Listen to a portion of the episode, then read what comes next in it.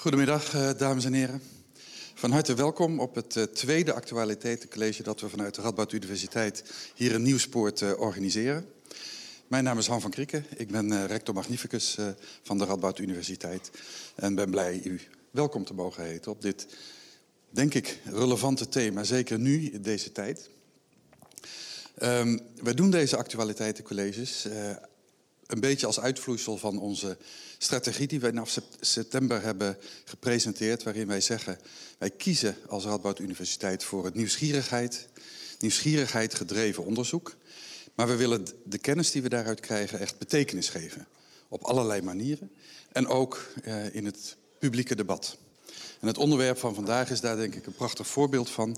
na het onderwerp van de vorige keer wat ging over de stikstofcrisis. Het gaat vandaag over bescherming persoonsgegevens en gebruik van persoonsgegevens. In de volle breedte van het woord en wat toegespitst als voorbeeld op de zorg. Nou, we weten allemaal hoe belangrijk het is om onze persoonlijke gegevens onze, over onze ziekte en gezondheid beschermd te houden. Maar we merken vandaag de dag ook dat we wel heel graag willen weten dat als heel veel mensen een nieuwe ziekte krijgen, dat we willen weten hoe erg dat is wat de follow-up daarvan is. Dus we willen ook die gegevens gebruiken om kennis te verwerven. Nou, dat is precies de weging waar je dan met elkaar voor staat en waar je over moet nadenken. En als je moet nadenken over keuzes en weging, is het van belang om de kennis te, te hebben, zo up-to-date mogelijk, die beschikbaar is om dat te doen. En ik denk dat we daar vandaag op deze manier, via dit actualiteitencollege, heel veel stappen kunnen zetten. Dankzij de twee mooie sprekers die we hebben. Maar daarvoor geef ik graag het woord aan Marcel Becker, die deze, dit college zal voorzitten. Het woord is aan jou. Dank u wel, rector, voor het, uh, voor het woord. Ja, inderdaad, Marcel Becker. Uh, ik ben, in het dagelijks leven ben ik ethicus aan de Radboud Universiteit. En ja, ik heb gedacht, hoe zou het over vijf jaar op een verjaardagsfeestje eraan toe kunnen gaan? Ik heb Drimpy. Dat biedt zo'n goed medicijnenoverzicht. Nee, ik doe het met Helpt. Dat heeft zo'n goede telemonitoring faciliteit. Veel beter dan Ivido. Hoewel Ivido sleut wel goed aan bij het patiëntenportaal van mijn huisarts. Zo zou het op een verjaardagsfeestje eraan toe kunnen gaan over een paar jaar. Als het ligt aan de patiëntenfederatie en aan de minister. Maar twee Radboud-deskundigen gaan nu hierover hun ongezouten mening geven. Vanuit twee heel verschillende invalshoeken. Twee invalshoeken die relevant zijn als wij praten en nadenken over de impact van digitalisering in de samenleving. Professor Bart Jacobs is hoogleraar computerbeveiliging. En hij beschouwt het als zijn roeping om juist als expert te wijzen op zwaktes en feilbaarheden van digitale systemen. Mevrouw Fleur Jongepier heeft afgelopen jaren naam gemaakt als een van de weinige ethici van digitalisering in Nederland. Zij zijn beide vertegenwoordigd aan het interdisciplinaire onderzoekscentrum iHub en zullen een duo-presentatie geven. Ze zijn het dus niet helemaal met elkaar oneens, maar wel voldoende met elkaar oneens om ook weer discussie met u te kunnen hebben. Die duo-presentatie wordt opgenomen, maar daarna is er discussie. De zaal, zo tegen één is de presentatie afgelopen. Dan is er discussie met de zaal. En die discussie wordt niet opgenomen. Dus voelt u vrij zich daarin te mengen. Het woord is aan de twee sprekers. Dankjewel Marcel voor de introductie. Dames en heren, welkom. Dank voor de komst, voor uw belangstelling voor dit onderwerp. Wij gaan het hebben over het PGO, de persoonlijke gezondheidsomgeving. Ik zal er zo dadelijk iets meer nog over vertellen wat dat behelst. En het achterliggende thema daarbij is de rol van de burger bij het beheer van de eigen gegevens. Eigen staat hier tussen aanhalingstekens, want er is niet sprake van juridische eigendom bij, eh, van gegevens, maar vaak ervaren mensen het wel zo. Uh, dit heel PGO is ontworpen met allerlei beste bedoelingen, maar we hebben daar toch een paar vragen bij van hoe pakt dat nou uit in de praktijk.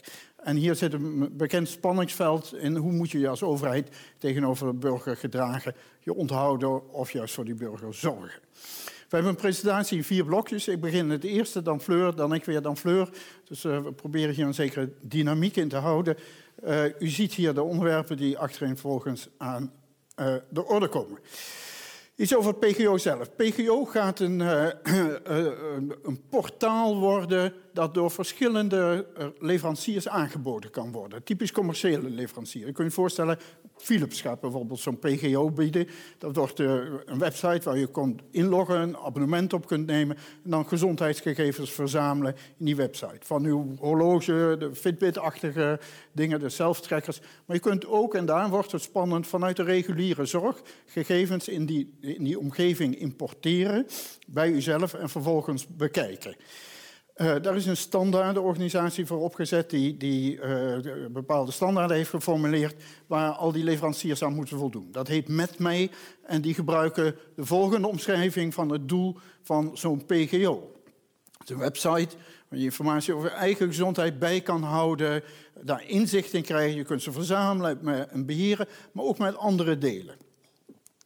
Uh, je hebt zelf regie over dit soort gegevens. Het is een heel belangrijke motivatie om dit uh, uh, in te voeren. Mensen krijgen hiermee regie. Um, jij bepaalt met wie je gegevens deelt en verzamelt. U voelt hier al wel iets aankomen. Nou, hier zijn een aantal leveranciers. Wat zeggen die? Als cliënt heb je volledige controle en inzage over jou, jouw gegevens. Waarbij je zelf beslist met wie je dit allemaal gaat delen. Autonomie en regie van burger staat centraal. Nou, hier worden, uh, beginnen sommige mensen wakker te worden en, en zich af te vragen wat betekent. Zoals mijn collega hier naast mij. De betrokkenheid en de naast, van, van de persoon zelf en de naaste verbetert daardoor. Digimi is een, een buitenlandse partij die zich op deze markt wil storten. En die heeft wat ronkender zinnen. Dit will, this will shift power to individuals. By making it easier for people to aggregate their own data and privately share them. Nou, een stapje terug. Waar gaat dit nu, nu over? Wat, wat, is de kern van een PGO? Ik heb hier een aantal dingen op rijtje gezet. Eigen gegevens. Je kunt ze zelf verzamelen en beheren. Je hebt controle en grip daarop. Inzicht. Autonomie en regie. Het zelf delen nog weer eens. En verbetering van uitwisseling. Wat natuurlijk een heel belangrijke motivatie is in de zorg. Wie wil dit nu niet? Dit willen we allemaal, ongetwijfeld. En uh, het ministerie van Volksgezondheid uh, stimuleert dit actief door die commerciële leveranciers een bedragje per aangesloten gebruiker te bieden en ook nog uh, ontwikkelssubsidies in het algemeen van een substantieel bedrag. Wat is nou de kern van PGO? Ik zou zeggen twee dingen. Inzage in je gegevens en controle over, over die gegevens. En gezamenlijk moet dat leiden tot meer autonomie en empowerment van de patiënt. Maar ik heb daar ook wel twee sceptische vragen bij. Leidt dit deze gedetailleerde inzage nou echt tot uh, grotere autonomie of leidt dat juist tot onbegrip? Als je labwaarden naar patiënten over de schutting gooit, hebben ze daar wel wat aan. Creëert dat niet juist uh, ongemak? En is dat delen wel vrijwillig en in het eigen belang van de patiënt? En een pijnlijke vraag die ik heb, leidt dat PGO, wat bedoeld is als versterking van autonomie, misschien niet juist tot verzwakking van autonomie? Nou, daar wordt het moeilijk en dan geef ik het graag over aan mijn collega. Dankjewel. Inderdaad, uh, schiet ik wakker als het uh, gaat over uh, autonomie. Um, nu is autonomie, als we het hebben over autonomie en vrijheid, en die concepten lijken hier toch echt wel belangrijk te zijn in die PGO-discussie, uh, uh, vaak een moeras. Ja, wat verstaan we onder autonomie? Dat concept is ontzettend ambigu.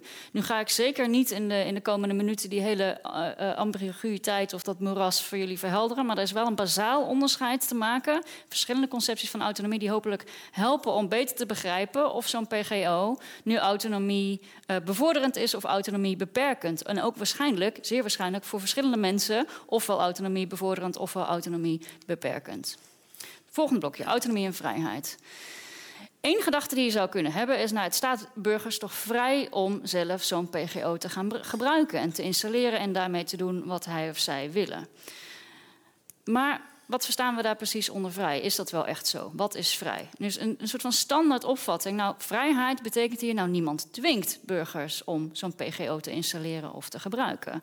Um, dus onvrij kan opgevat worden heel simpel als uh, uh, um, het, wanneer er sprake is van dwang of verplichting. Dus vrijheid betekent niemand dwingt je. Dat is een vrij beperkte opvatting van, van vrijheid. Maar zelfs daarbinnen kunnen we ons uh, vragen stellen een aantal scenario's. Eerste scenario, een van de meest radicale scenario's. Uh, stel je wilt op reis naar China en de, en de VS. Um, En op een bepaald moment in de toekomst wordt het van jou vereist Zet je PGO maar open. Laat maar zien wat voor uh, persoonlijke data, medische data je hebt en of je uh, het coronavirus wel of niet hebt gehad. Hypothetisch natuurlijk. Maar de situatie zelf is niet volledig hypothetisch. In dit geval zou er sprake zijn van dwang. Je, moet, je bent verplicht om je PGO open te stellen. Nu kun je natuurlijk altijd voor kiezen, nou dan ga je maar lekker niet op reis. Maar dat is niet altijd kosteloos natuurlijk. Nou, als we dat scenario even terzijde schuiven, schuiven zijn er ook nog iets meer genuanceerde uh, situaties die ook de druk op uh, vrijheid uh, um, ja, opvoeren. Dus stel je voor, ook zeker niet ondenkbaar, dat je korting krijgt op je gezondheidsverzekering op het moment dat jij met je zorgverzekering je uh, medische data deelt. Dat je bijvoorbeeld laat zien, nou ik ben fit en ik loop zo en zoveel stappen per dag. Uh, nou, dan krijgt u 5% korting op je zorgverzekering. Natuurlijk, je bent vrij om dit te doen. Maar er zijn wel bepaalde structuren aanwezig die, uh, die voor jou de druk opvoeren om zo'n PGO te installeren en te gebruiken en je data te delen. Misschien, ook al heb je dat liever niet. Laatste scenario, uh, je, wel, je, werkt bij een bedrijf. Daar is steeds meer sprake van bij grote bedrijven om te denken aan een soort wellness program. Dus ook bedrijven uh, hebben reden om gezonde werknemers te hebben en terecht. Wat je kan doen als bedrijf, je geeft iedereen een Fitbit en dan zeggen ja, maar we willen wel uh, jullie data zien. We willen wel weten hoeveel stappen jullie lopen op een dag en hoe gezond jullie daadwerkelijk zijn.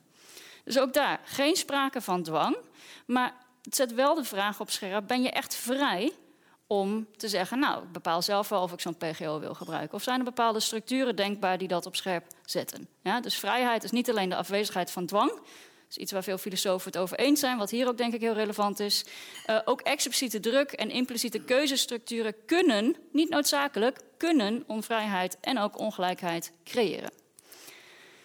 Dan nog even terug naar die PGO-doelen. Dus één, inzicht krijgen in je eigen data, informatie krijgen uh, over je eigen data en daar wellicht patronen in herkennen die voor jou nuttig zijn. En controle over die data. Dus dat jij in staat bent om, dat jij de, uh, de, de, in de positie bent om die data te delen met anderen.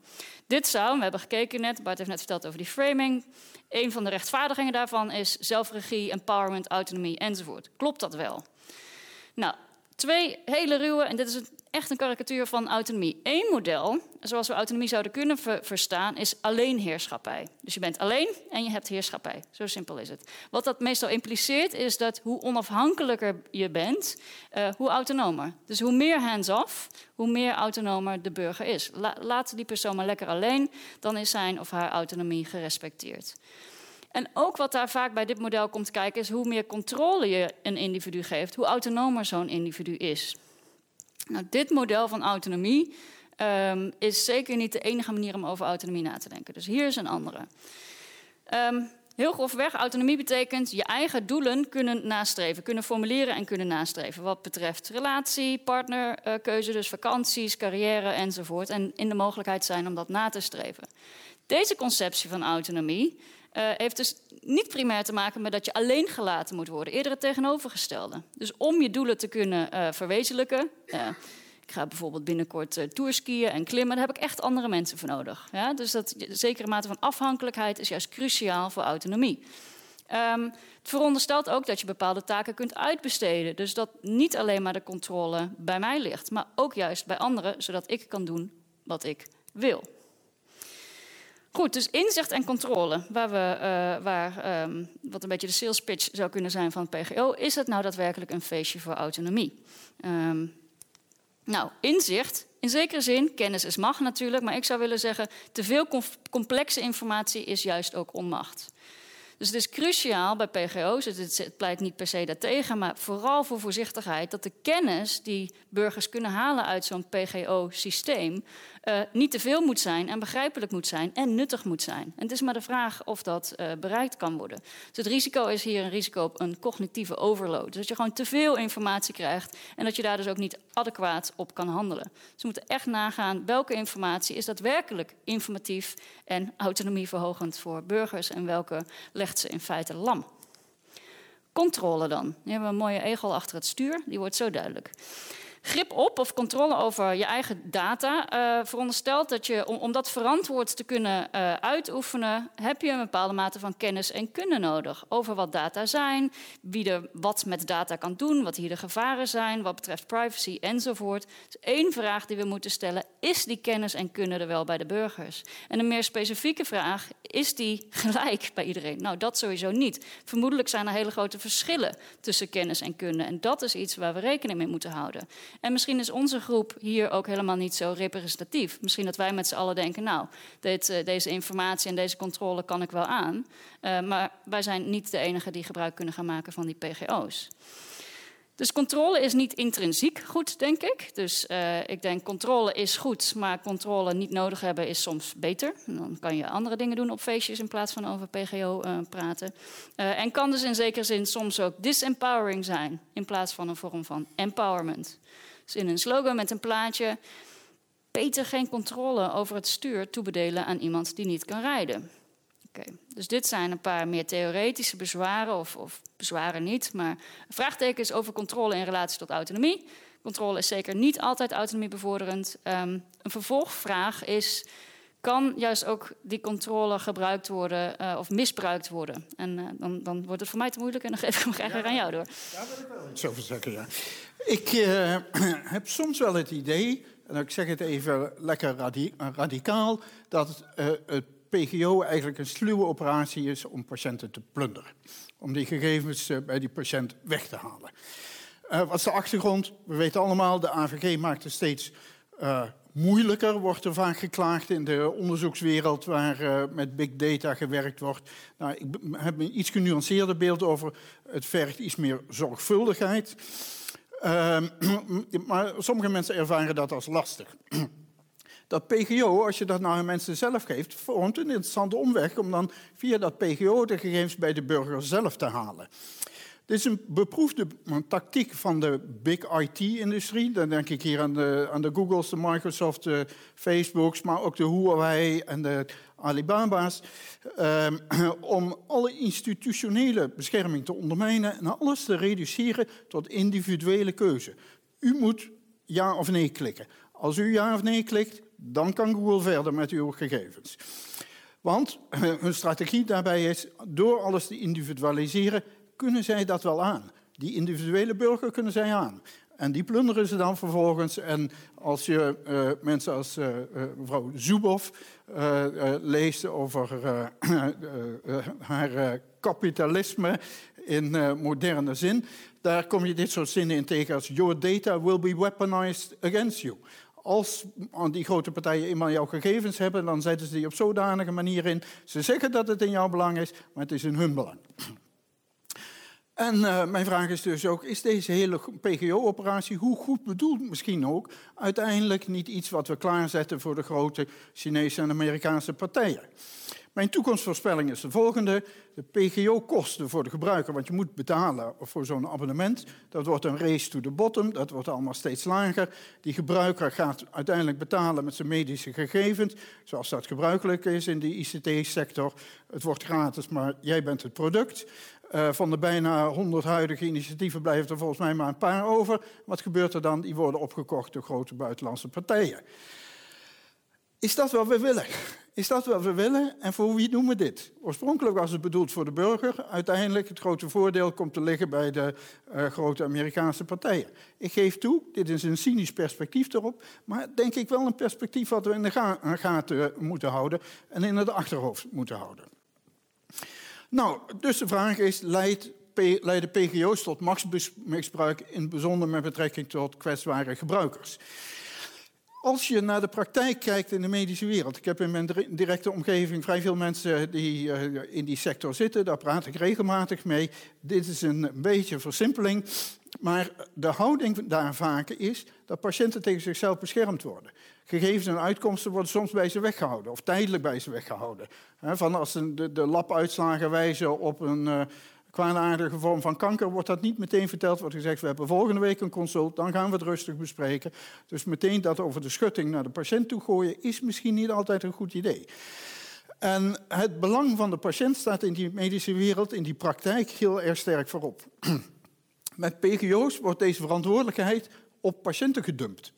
U moet het zelf maar regelen. Het zijn uw gegevens, u heeft ze in uw beheer. Eh, u kunt het allemaal zien. Krijgt u kanker? Ja, vette pech. U had toch in uw PGO kunnen zien dat uw uh, gegevens uh, aangeven dat u een erg ongezonde levensstijl heeft. Er wordt verder verindividualiseerd. Tegelijkertijd, de dataplunderaars staan klaar met een grote vriendelijke glimlach om dat allemaal van mensen over te nemen. Goed, wat moeten we dan? Wat moeten we dan? Laat proberen toch iets positiefs te zeggen hierover. En ik denk dat we zwaarder in moeten gaan zetten in deze ontwikkeling. Het heeft een zekere noodzakelijkheid en onvermijdelijkheid, maar op bescherming van die patiënt. Hoe kun je dat doen? Ik heb een aantal aanzetten daartoe. Je zou zwaardere zorgplichten kunnen introduceren voor die, voor die uh, uh, PGO-partijen. Uh, zorgplichten in juridische zin. Als ik bij een bank of in de financiële sector bestaan zorgplichten, als ik een verrot financieel product bij de bank uh, koop en de bank heeft mij duidelijk bedonderd, kan ik die bank suwen. Die bank moet goed voor mij zorgen. En dat zie je typisch in situaties waar er sprake is van een grote kennisasymmetrie. Die bank weet veel van financiële producten, ik heel weinig. Als die bank dat kennisverschil misbruikt, kan ik ze daar juridisch op aanspreken. Dit zou duidelijker en harder in die digitale sector, in die digitale zorgsector verankerd moeten worden. Het afdwingen van wat we zouden willen noemen slow choice. Die aanzetten tot reflectie. Slow choice bedoelen we zoals slow food. Slow food is als tegenstelling tot fast food. Slow food is iets wat met zorg bedraaid is, waarover nagedacht is. Wat bedoel ik met slow choice hier? Moet denken aan, stel iemand wil een abortus, daar is een procedure omheen die een zekere zorgvuldigheid met zich meebrengt. Dat kun je niet van de ene op de dag, andere dag beslissen. Van ik wil vanmiddag een abortus. Daar moet je een zorgvuldig, langzaam proces doorheen, wat die zorgvuldigheid uh, garandeert. Ik denk niet dat het goed is dat je met een PGO, met een borrel op, uh, al je DNA-gegevens, niet alleen van jezelf, maar ook van je hele familie, doneert aan een, of andere vage Chinese partij die daar uh, belooft onderzoek mee te gaan doen. Daarmee kom ik op een punt van, van wat heel fundamenteel is, maar moeilijk, de-individualisering. Als ik besluit mijn DNA te doneren, is dat niet een strikt persoonlijke keuze. Kan zijn dat mijn kleinkinderen daarna geen hypotheek meer krijgen. Moet ik met hun overleggen daarover? Moet ik met mijn kinderen overleggen over, over dit soort zaken? Ik denk in ieder geval dat het geen strikt individuele keuze is, zoals typisch die big IT-sector het wel wil doen voorkomen. En de hele opzet van het PGO is ook op dat individu gericht. Dus ik denk dat deze aspecten een integraal onderdeel moeten worden van een PGO-gedachtegoed. Het is een beetje paternalistisch. Als ik dat soort termen gebruik, wordt Fleur een beetje opgewonden. Ja, klopt. Um, dus hier scheiden onze wegen, denk ik een beetje. Dus er zijn, je kunt ofwel ervoor kiezen om uh, uh, heel erg in te zetten op uh, de, de kwaliteit van bestaande PGO's en die te verbeteren waar mogelijk. Maar je proeft ook een beetje, nou we het überhaupt maar niet aan de burger overlaten. Die, die kunnen dat helemaal niet. En daar wordt het wel een beetje spannend, denk ik. Paternalisme en liberalisme is dan de thematiek waar je in terecht komt. Waarom eigenlijk niet? Wat is er mis met paternalisme? Ja, legitieme vraag. Nou, als, als filosoof zou ik toch willen zeggen, nou een hoop. Um, ten eerste moet het denk ik niet onmogelijk zijn voor individuen om vrijwillig te beslissen, ik wil mijn data met deze en deze en deze partij delen. Of in het voorbeeld van die korting op de zorgverzekering, moet niet onmogelijk zijn uh, voor individuen uh, om daar hun eigen keuzes over te maken. En dat individuen daar verschillende keuzes over maken. De een hecht heel veel waarde aan privacy, de ander misschien niet. Dus in een liberale samenleving moeten daar verschillen uh, mogelijk zijn. En moeten we ervoor oppassen dat wij hele expliciete waarden en normen hebben die we aan iedereen gaan, gaan opdringen. Dus daar moet ruimte voor zijn. En ook als we kijken naar dat soort zinnen als we moeten de burger een beetje helpen, we moeten de burger tegen zichzelf in bescherming nemen, daar is gevaar voor een zogenaamde slippery slope. Dus je begint ergens op een punt waarbij je denkt, ja, hier zijn inderdaad wel risico's, moeten we dat wel aan de burger overlaten? Heb ik zelf al meegedaan met mijn uh, foto van de egel achter het stuur. Maar je kan ergens uitkomen bij een manier van nadenken over burgers en waartoe zij in staat zijn, wat ze allemaal wel en niet kunnen, uh, wat gevaarlijk is gevaarlijk in die zin dat we denken, nou, ja, we kunnen eigenlijk al die andere beslissingen kunnen ze waarschijnlijk ook niet. Uh, dus laten we dat maar niet aan de burger overlaten. Dus die algemene denk denktrand is toch wel een beetje um, iets waar we op moeten letten. Ook denk ik dat hier mogelijk sprake is van een vals dilemma. Dus we hebben nu aandacht besteed aan de mogelijke risico's en gevaren van PGO's. En het lijkt alsof we maar twee opties hebben. Dus aan de ene kant hebben we de optie, nou, vrije markt en uh, uh, vrijwillige individuen. Die bepalen dat allemaal zelf wel en de markt die reguleert zichzelf. Prachtig, prachtig. Dan zijn we, oh, met Zuboff en dergelijke, nou, zijn toch misschien wel wat problemen aan het delen van data. En dan moeten we maar paternalistisch beleid gaan invoeren. Dat hoeft niet per se. Dus mijn punt hier is ook als liberaal, ook als je, niet, als je weg wil blijven van het paternalisme, ook als weldenkend liberaal kun je zorgen maken over de PGO en nadenken over hoe dat beter moet. Dus als we iemand nemen, Robert Nozick, dus echt een libertair, dus, dus een liberaal plus plus.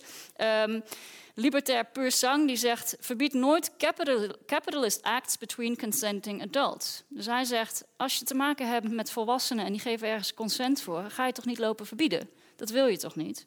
Uh, nu ben ik, ben ik hier niet per se Nozick aan het verdedigen, maar ik probeer meer te kijken, zelfs als je echt een extreme liberaal, libertair bent, kan je dan misschien ook nog kritisch zijn over PGO? Ja. Iemand als Nozick zal namelijk ook zeggen, ja, ook die markt en die volwassenen moeten aan condities voldoen. Er zijn bepaalde minimumeisen uh, waaraan voldaan moet worden voordat we zeggen, nou, die capitalist acts, die kapitalistische keuzes die individuen maken, zijn prima. Ook de liberaal moet zich zorgen maken. Goed, dus laten we even kijken naar een aantal liberalen slash libertairen. Ik maak hier even niet het onderscheid, dat, dat kan dan zo meteen een discussie als we daar zin in hebben. Uh, kernbegrippen. Eén is natuurlijk vrijheid. Ja, dus er mag nooit sprake zijn voor een libertair-liberaal van dwang. Dus op het moment dat een keuze voortkomt uit dwang, dan is het geen vrije handeling. En dus valt het niet binnen het domein van een liberaal. Dus een, wat een liberaal is, is het beschermen van vrijheid. En die keuzes respecteren die ook daadwerkelijk vrij zijn.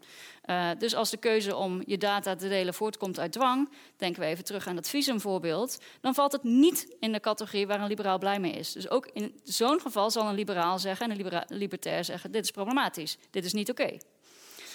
Ook moet er sprake zijn van oprecht consent. Dus niet consent als in uh, ik accepteer alle cookies en ik verkoop mijn ziel aan de duivel, maar daadwerkelijk consent. Ja? Dus iets wat daadwerkelijk vrijwillig is, dat je zegt ja, ik geef er consent voor dat mijn data gebruikt wordt en dat je een beetje kennis van zaken hebt wat dat betekent als je die consent geeft. Dus we hoeven hier geen paternalist te zijn om uh, deze conditie te omarmen. Een andere uh, kernbegrip is een, het onderscheid hand te haven tussen privé en publiek. Dus op het moment dat je bij een voordeur komt, hands off voor een liberaal. Maar ook op het moment dat je bij privégegevens komt, dat zijn jouw gegevens. En in principe geen zaak voor bedrijven en overheden. Wil het een zaak zijn voor bedrijven en overheden, moet je dus weer die consent geven. Dus anderen mogen zich in principe niet mengen in het privédomein, inclusief jouw data.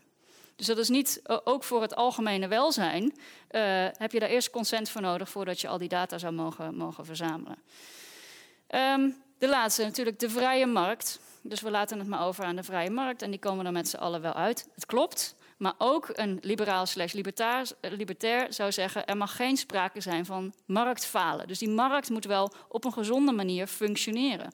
Op het moment dat er sprake is van wat, wat je kan noemen externaliteiten... dus er schade is aan anderen, uh, bijvoorbeeld met het klimaat... dus op het moment dat de vrije markt echt grote schade heeft... voor toekomstige generaties of het, of het klimaat... dan kun je ook als libertair zeggen... oké, die vrije markt functioneert niet, punt. Ja? Dus het is niet vrije markt, vrijheid, blijheid tot in op het eind. Er zijn ook grenzen aan wat we aan de vrije markt moeten overlaten. Namelijk op het moment dat de vrije markt niet meer functioneert zoals hij moet doen.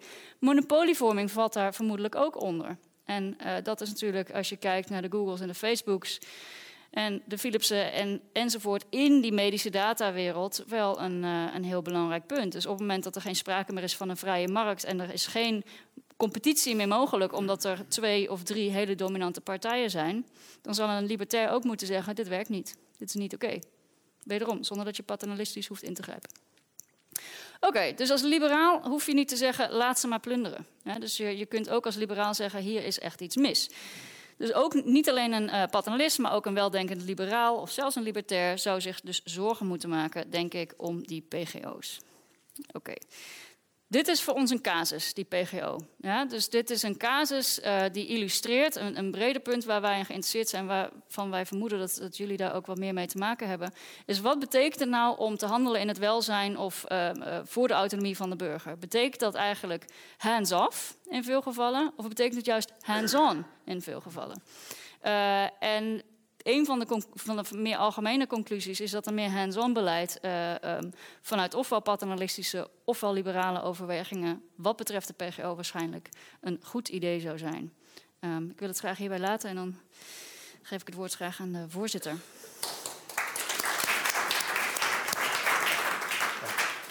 Dank wel voor deze heldere duo-presentatie... waarin duidelijk de nadelen van PGO uiteen werden gezet. Maar vervolgens werd aangegeven dat als ze dan naar allemaal maatregelen gaan... om die nadelen te ondervangen... dat ze dan in paternalisme extreme kunnen terechtkomen... die we ook misschien niet willen hebben. Nou, daarmee zijn we aan het einde gekomen. Ik heb toch het idee, wat bij mij blijft hangen, dat ik tegen de wetenschappers zou willen zeggen van neem de zorg in de zaal van het belang van de eigen betrokkenheid bij de gezondheid en gegeven. Neem dat serieus. En tegen de zaal zou ik zeggen, neem serieus dat u niet te snel het woord autonomie gebruikt als het over PGO gaat. Ik dank u allen voor uw aandacht.